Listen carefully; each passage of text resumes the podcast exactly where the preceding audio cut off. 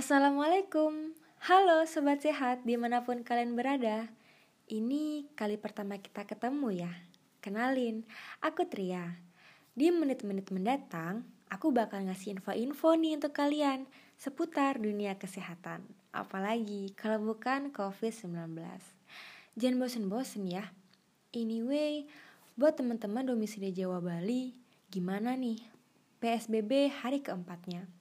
Yang kerja di kantor ataupun WFH, tetap semangat ya.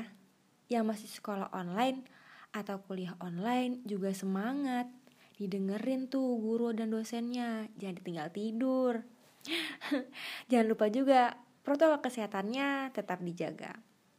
For information, banyak sekali loh inovasi-inovasi yang muncul baik itu dari pemerintahan maupun non pemerintahan untuk bersama-sama menurunkan angka COVID-19 di Indonesia. Karena penanganan COVID itu tidak bisa hanya dilakukan oleh satu pihak, melainkan harus terjalin kerjasama yang kuat antara pembuat kebijakan dan masyarakat itu sendiri. Agar apa? Ya agar dapat menekan percepatan COVID-19 dan inovasi kebijakan publik diharapkan dapat memberikan percepatan dalam pencegahan dan penanggulangan wabah yang terjadi sekarang ini. Ngomong-ngomong tentang inovasi, banyak banget loh inovasi yang muncul untuk penanganan COVID-19 ini. Ya kan, seperti yang aku udah ngomongin tadi. Dan ada salah satu inovasi yang menurut saya ini sangat menarik untuk dibahas, yaitu namanya Salawaku. Inovasi tersebut muncul sejalan dengan keputusan Menteri Pan-RB nomor 109 tahun 2020 tentang apresiasi inovasi pelayanan penanganan COVID-19. Hmm. Dan Salawaku ini juga masuk ke top 21 inovasi pelayanan publik penanganan COVID-19 loh. Ada yang penasaran dengan inovasi Salawaku? Kalau kalian penasaran, mari kita bahas. Oke, Salawaku. Salawaku sendiri singkatan dari sehat langkah awal kuat fortorang lawan virus corona. Salawaku ini didirikan atau dibuat di Kabupaten Halmahera Utara, tepatnya pada RSUD Tobelo. Nah, nama Salawaku sepertinya tidak asing ya bagi kita. Iya, karena Salawaku adalah senjata tradisional atau Program Salawaku ini latar belakangnya atau latar belakang penamaan Salawaku sendiri terinspirasi dari senjata tradisional Maluku Utara, yaitu berupa perisai atau tameng perlindungan zaman dulu yang digunakan khususnya pada wilayah Indonesia Timur. Nah, itu adalah salah satu background mengapa namanya Salawaku. Dan salawaku digunakan sebagai simbol untuk mengingatkan apabila kita hendak sehat, maka perlu menjalankan protokol kesehatan seperti memakai masker, physical distancing, sorry, physical distancing, dan mencuci tangan dengan sabun atau biasa kita sebut dengan 3M. Jadi dengan 3M atau dengan kita mau sehat, ya kita harus menerapkan 3M itu agar aktivitas kita berjalan dengan lancar atau berjalan dengan sesuai ekspektasi kita. Kemudian, salawaku sendiri sebenarnya kegiatan apa sih? Nah, salawaku sendiri merupakan layanan WhatsApp Getaway berupa program edukasi dan informasi virus corona menyangkut bagaimana menerapkan protokol kesehatan dalam masa pandemi COVID ini. Tujuan dibentuknya yaitu agar masyarakat dapat merubah perilakunya. Jadi dengan adanya WhatsApp Getaway dari RSUD Tobelo mengirimkan WhatsApp Getaway kepada masyarakat Halmahera Utara agar mereka merasa diingatkan, merasa diperdulikan.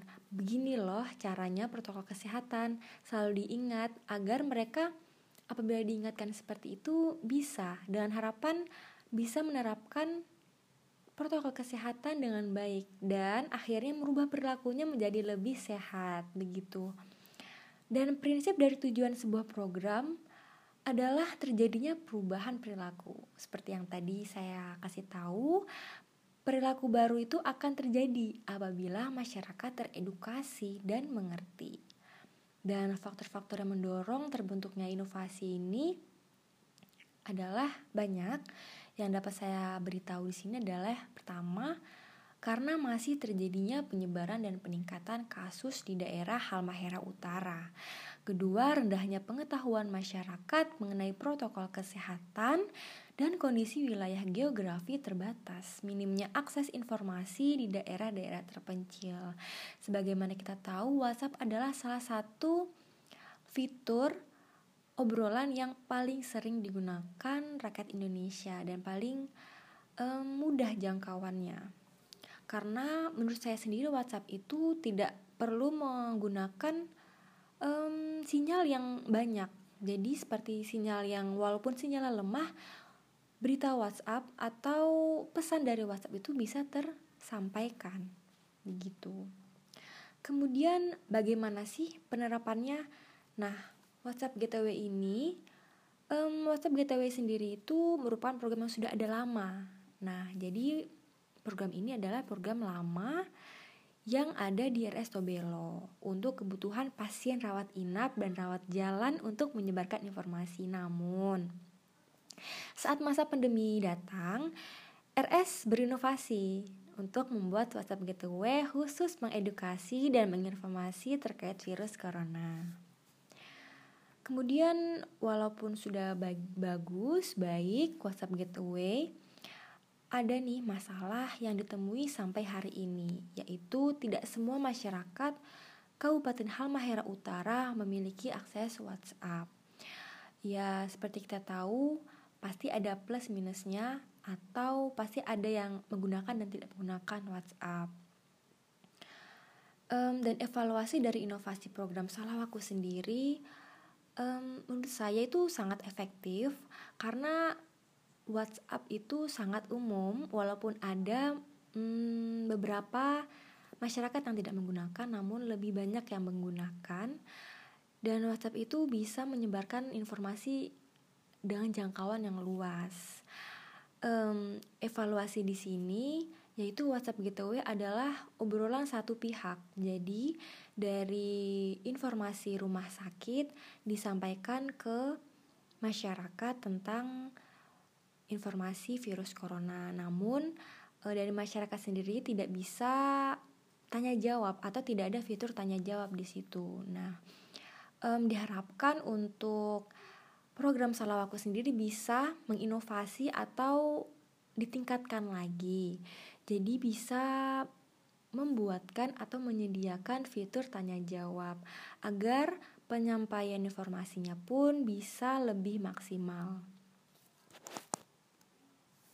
Baik, semoga program Salawaku ini bisa terus dilaksanakan dan ditingkatkan kinerjanya dengan menambah fitur tanya jawab dan masyarakat Halmahera Utara sendiri bisa teredukasi dan menerap menerapkan protokol kesehatan sesuai anjuran Kementerian Kesehatan.